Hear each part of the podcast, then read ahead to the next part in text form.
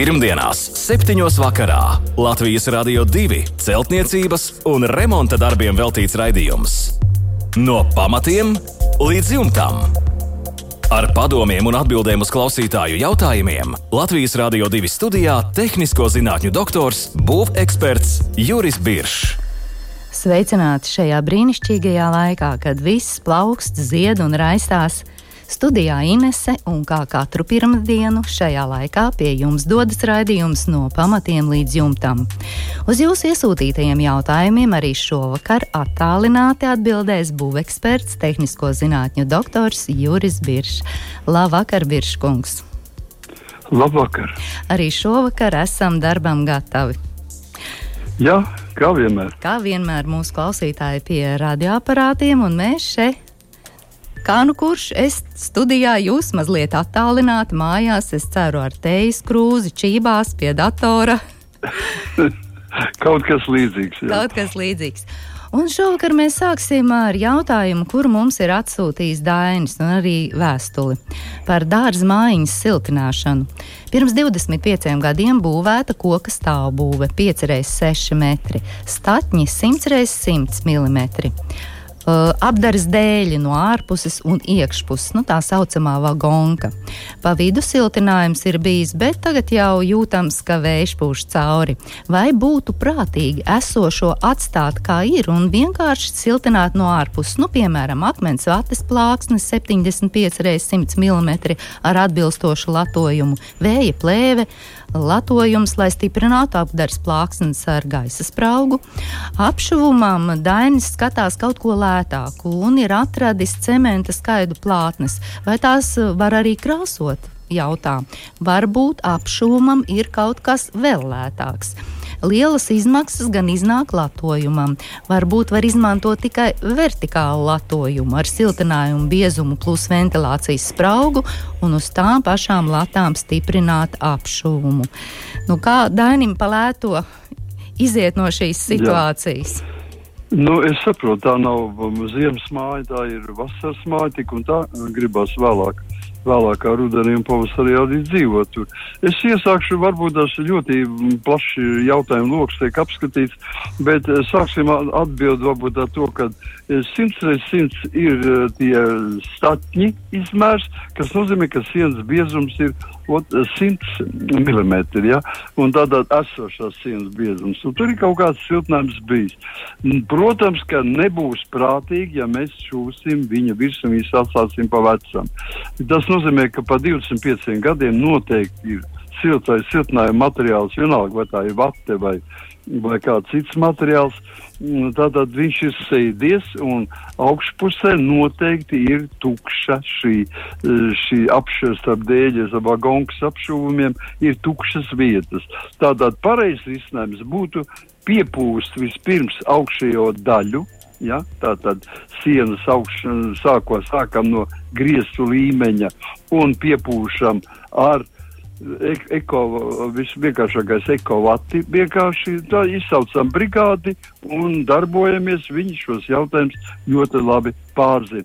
Pēc tam, jā, pēc tam vajadzētu siltināt no ārpuses. Pat cik tā tomēr nav īsta ziemas māja, tad var šo daina ie, ie, ieteikumu lietot, likt e, tādas vertikālās latas, kas iet cauri visam siltinājumam un ir, ir e, pietiekoši platas, lai uz viņām varētu arī, var arī, var arī teiksim, stiprināt apdars materiālu. Bet tas nozīmē, ka savā veidā mēs veidojam koku. Koks arī ir augstuma tilts salīdzinoši ar pašu teiksim, siltumizolācijas materiālu. Tāpēc ziemas mājām tā nedara. Nu, mājām, kas domāta vasarai un vēlam rudenim, tā var darīt. Un runājot par plāksnēm, es domāju, ka Daņa izvēlētās, izvēlētās tātad, cementa skaidu plāksnes. Cementa skaidu plāksnes, ja cementa skaidu plāksnes ir ļoti piemērots materiāls.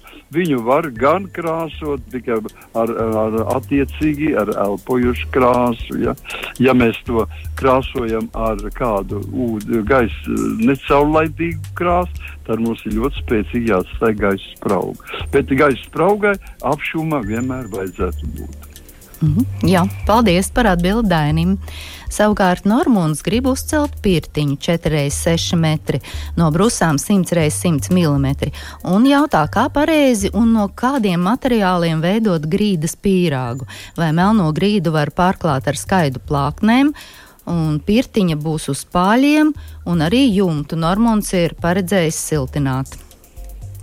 Jā, nu tas viss ir ļoti jauki, bet, eh, teiksim, atklāti, ja tā ir pirtiņa tiešām un nav dzīvojamā māja, nu, tad jebkurā gadījumā ar, nu, teiksim, daļa no pirtiņas, protams, būs kā pirtiņa, un tad būs saskarsme ar mitrumu, ar ūdeni, tad, protams, tāda grīda neder. Šādām mājām, kas ir piepaceltas, viņu uz pāļiem veidot, šī māja tomēr viņai jābūt ir karkasa grīda. Tas nozīmē, viņai vajadzēja būt vai nu betona grīda, vai koka karkasa grīda. Ja ir koka karkasa grīda, tad uz viņas klāja virsū bezdelīgi astes profilu, metāla bezdelīgās profilu, kas ir 18 mm biezs, un uz viņa ielēja 2 cm biezu betona kārtu. Un tad jums ir nodrošināts, koks ir sauss un viss hidroizolācijas ir balstās uz šo betona virsmu. Atstāt tikai uz koka grīdu un veidot ar melno grīdu, kā raksta Normons, un pēc tam noklāt vēl ar skaidru plākstiem, šīs šādām grīdām mitrums nedrīkst pat saruna būt. Tad tikai mm, pirtiņas nosaukums paliek simboliskais. Ja? Tad mēs mm, mitrumu uz grīdas tādas nedrīkstam likt. Jā, paldies par atbildi Normundam.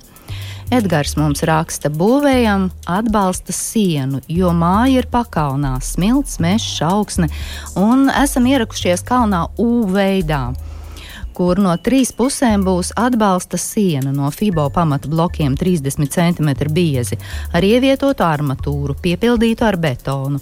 Ar laiku uzliekot jumtu un vārtus šo telpu plānojam izveidot par garāžu 6x6 metru lielu. Un jautājums ir šāds, vai starp FIBO blokiem un tiem piegulošajām smiltīm mitruma noturēšanai ir nepieciešama izolācija, un ja nepieciešama, tad kāda izolācija, ko jūs ieteiktu, Birškungs? Nē, izolācija noteikti ir nepieciešama, bet šajā gadījumā es teiktu tā, ka uh, apmest FIBO Mm, no ārpuses FIBA blociņas apmest no ārpuses no smilšu puses, tas būtu mm, saprotams darbs, un to varētu darīt. Bet hidroizolācija, nes, tā saucamā vertikālo hidroizolāciju šeit neder. Tātad liekam visā augstumā, un viņi ir iedziļināti 2,5 metru dziļumā šī, at, šī atbalsta sieniņa visā augstumā no no pamatiem, tātad līdz no pamata, pamata virsmas līdz 2,5 metru uz augšu, telpisku geomembrānu. Telpisku geomembrānu ruļveida materiāls ar pumpiņām 8 mm izvirzītām, ar pumpiņām pret šo atbalsta sieniņu. Un tā viņi ir viscaur apņem, apņem un ir 5 cm pat ienāk vēl virs, virs smilšu slāņa. Tad, tad ar uz āru vēl kā sienas turpinājums, ja? vēl 5 cm.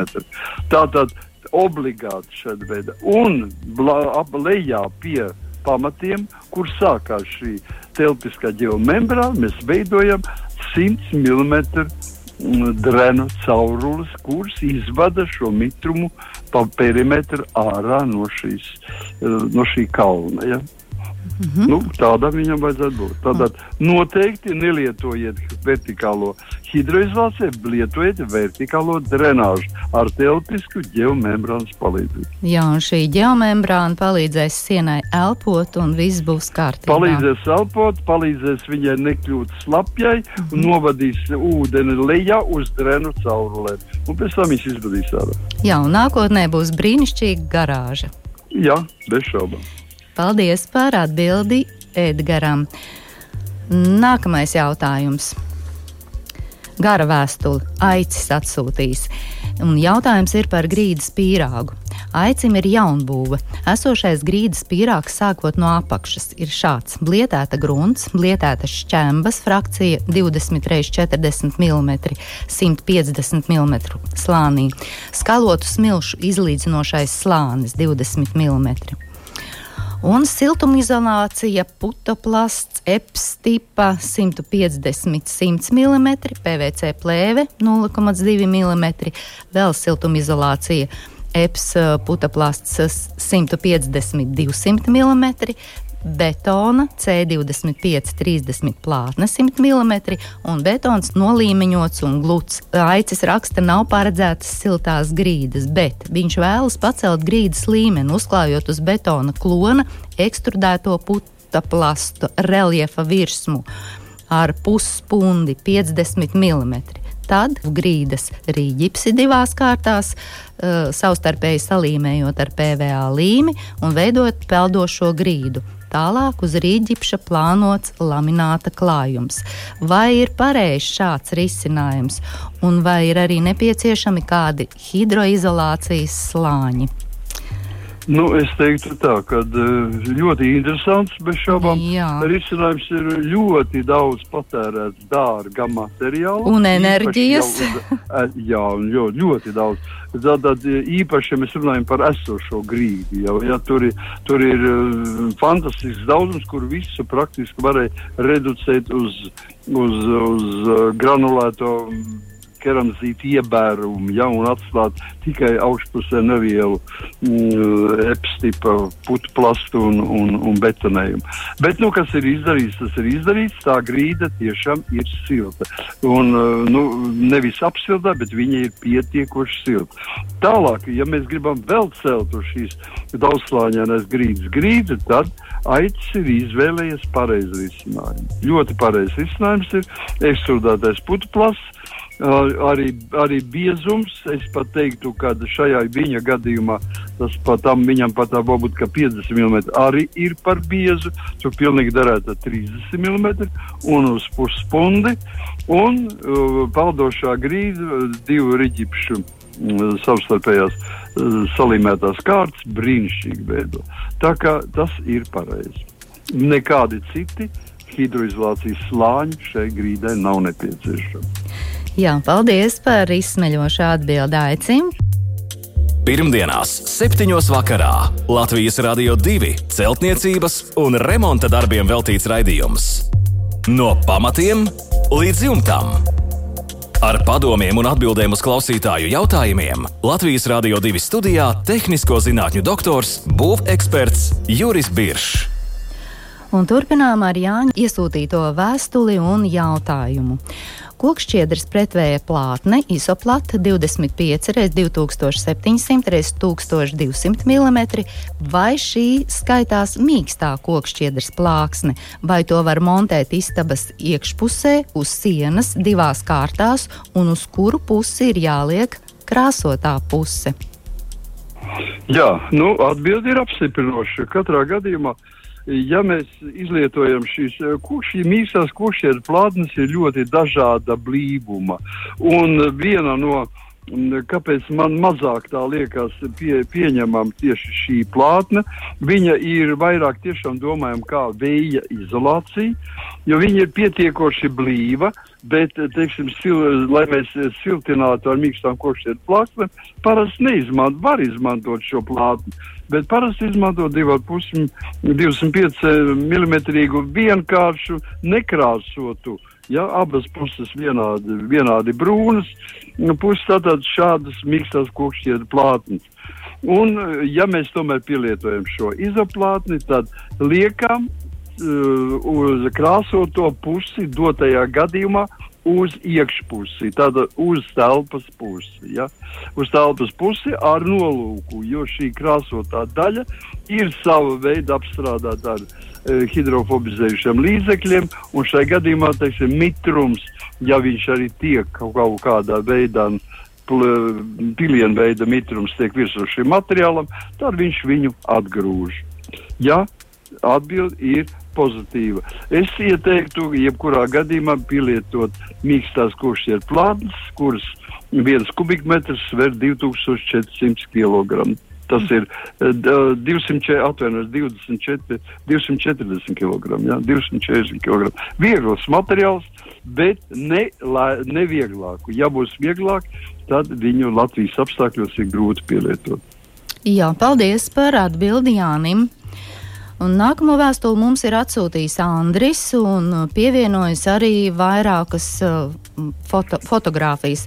Respektīvi, mēs redzam šo vainu, kas ar māju ir notikusi. Un Andris raksta, jānoskaidro, kas var veidot krāsojumu uz skaitbetona ārsienas apmetuma. Siena ir austrumu pusē, krāsojuma materiāls ir ļoti noturīgs, grūti nomazgājas, tumši sarkana virskārta un pabraucot mazliet dzeltenīgs paliek, un ir pievienots šīs mājas attēls. Nu, tiešām siena izskatās. It kā būtu nokrāsot ar kādu neregulāru nu, krāsu. Jā, jā, siena izskatās izskalot, un tāda arī viņa ir. Tātad šī siena vienkārši ir krās, krāsojums, ir palicis tajās vietās, kur netiek klāt nokrišņu ūdens. Nu, tātad, tomēr, š, lai arī uh, Andris raksta, ka kāda noturīga pret ūdeni, tātad viņš tomēr ūdens iedarbībā padodas. Grūti pateikt no foto uzņēmuma, kas tā varētu būt pa krāsu. Ja? Pēc tiem no, jūsu aprakstiem krāsojums tumšs sarkans, pēc tam brucinot ar pirkstiem paliek dzeltenīgs. Tas vairāk izskatās pēc kaut kādas grunts krāsas, ja? svina mīnijas vai tam līdzīgi, bet kuras parasti nekad nepielieto fasādēm. Bet, teiksim, savādāk viņš ir ūdens nesaulēdīgs materiāls. Ja mēs runājam atklāt, šāda virsma ir vēlreiz papildus attīrama un krāsojama. Vai nu ar dispersijas krāsām, tas ir uz ūdens bāzes balstītām krāsām, vai ar uh, cementa krāsām, un sliktākā gadījumā arī ar silikāta krāsām. Tātad trīs tipa krāsas, kuras varētu uh, ļoti labi uh, sevi rā, parādīt tieši šajā konstrukcijā. Mm -hmm. bet katrā ziņā viss šis slānis ir jānoņem Jā. nost. Šis Jā. darbs ir jāiegulda. Darbs ir jāiegulda. Jā. Un nākamā vēstule ir no Armanda. Grīdas pīrāgs keramzīts, putu polisterols, betons ar siltajām caurulēm un grīdas segums. Vai jāparedz siltuma atstarojošā kārta un kur, un vai kādai no kārtām ir nepieciešama arī plēve mitruma aizsardzībai, jo zem mājas ir mitrs pagrabs. Nu, zem mājas nozīmē, ka ir eh, betona, betona pagraba pārsegums, un uz kuru balstās viss šī grīdas konstrukcija. Šajā gadījumā vienīgā vieta, kur varētu vēl papildus teikt, tas ir pēc keramzīta, pēc keramzīta kārtas izveidas, mēs varētu likt vaikizlācijas slāni. Tas ir parasto dārzniecības plēve. Tālāk iet putu polistirols, betons ar siltajām uh, caurulēm grīdas, grīdas segums. Vai jāparedz siltuma atstarojušā kārta? Siltuma atstarojušā kārta paredz tikai vienā gadījumā. Ja darba tātad eh, šī virsma, kuru mēs sildam, ir karstāka par 40 grādiem. Ja virsma ir zem 40 grādiem, tad nekāda labuma šāda atstarojušā um, folija vai kārta izņemot sadārdzinājumu, nedod. Jo mēs pat nevaram ar instrumentiem praktiski izmērīt to niecīgo siltuma apstarojumu, ko varētu dot. Tik līdz temperatūra pārsniedz 40 grādus, kas varētu būt atsevišķos gadījumos, ja mums grīdas segu materiāls ir flīzē. Un zem flīzes tātad mēs varētu u, darba temperatūru uh, pacelt šiem ceļos caurulēs līdz 40 grādiem, tad parādās pirmā niecīgā iespēja. Tāpēc mans padoms ir nelikt šais atstarojušās, kāds tā ir teorija, bet praksē viņš neko nedod. Mm -hmm. Jā, paldies, bet šajā gadījumā mēs gan nezinām, kāds ir grīdas segums. Vienkārši Armāns ir uzrakstījis grīdas segums, jo bieži tagad modernajos dzīvokļos un mājās ir izcinājums uh, pusviesistaba apvienotā ar virtuvi ir flīzes, un pēc tam puse ir atkal jā, lamināts jā, vai nu, parkets mūs... vai kas tāds. Ienesīt mūsu laikos ir iespējams, viss mēs veidojam kontūru atsevišķi apsildāmās grīdas kontūru zem koka un apsildāmās uh, grīdas kontūru zem flīzēm. Mm -hmm. Un katrā šajā kontūrā ir sava temperatūra. To visu regulē šodienas iespējas. Bet, Ienesīt, mums ir vēl viens jautājums, ja mēs esam izlaiduši. Vienu jautājumu vēl. Vēl esam izlaiduši. Kuru mēs esam izlaiduši? Piek, piekto. Piekto esam izlaiduši. Tur redz, kā, jā, tiešām jums taisnība. Jā. Un tas ir Inga jautājums. Un jautājums ir šāds. Uzbūvēta guļbaļķu pirtiņa 5,6 x 8,6 metri.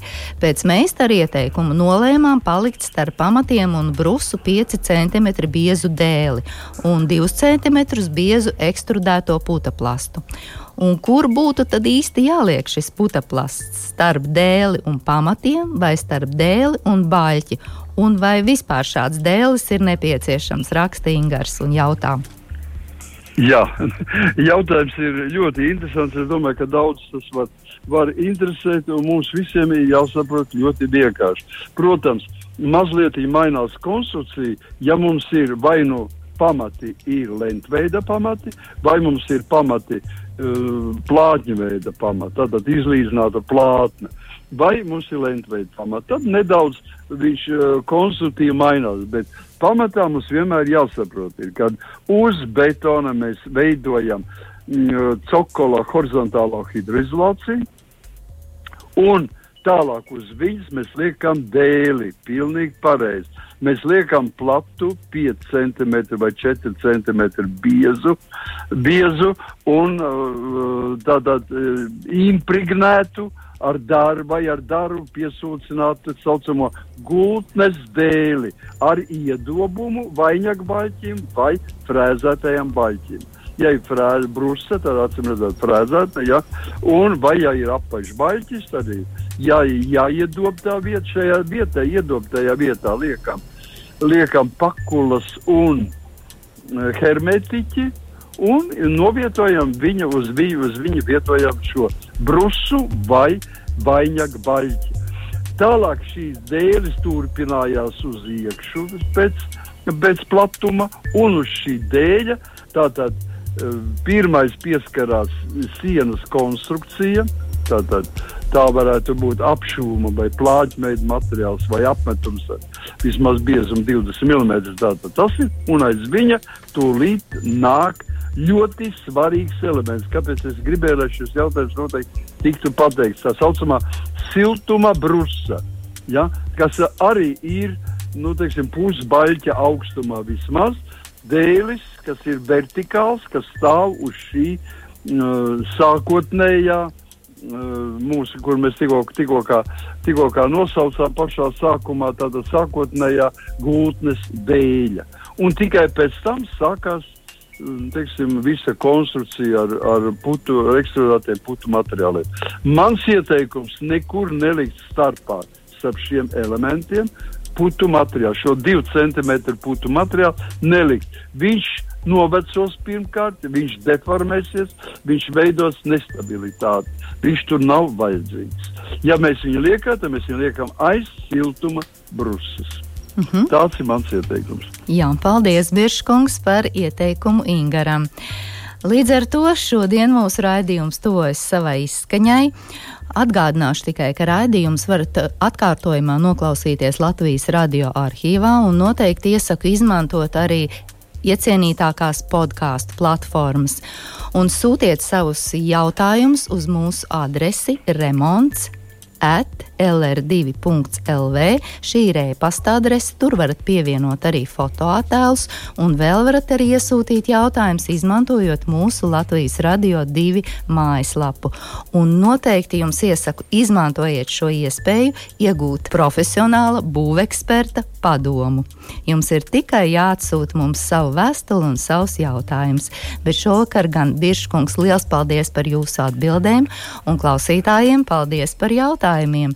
Tiksimies jau pēc nedēļas šajā pašā laikā un šajā pašā vietā. Lai jums mierīgs vakars! Visu labu!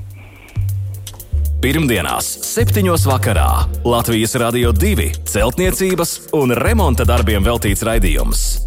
No pamatiem līdz jumtam!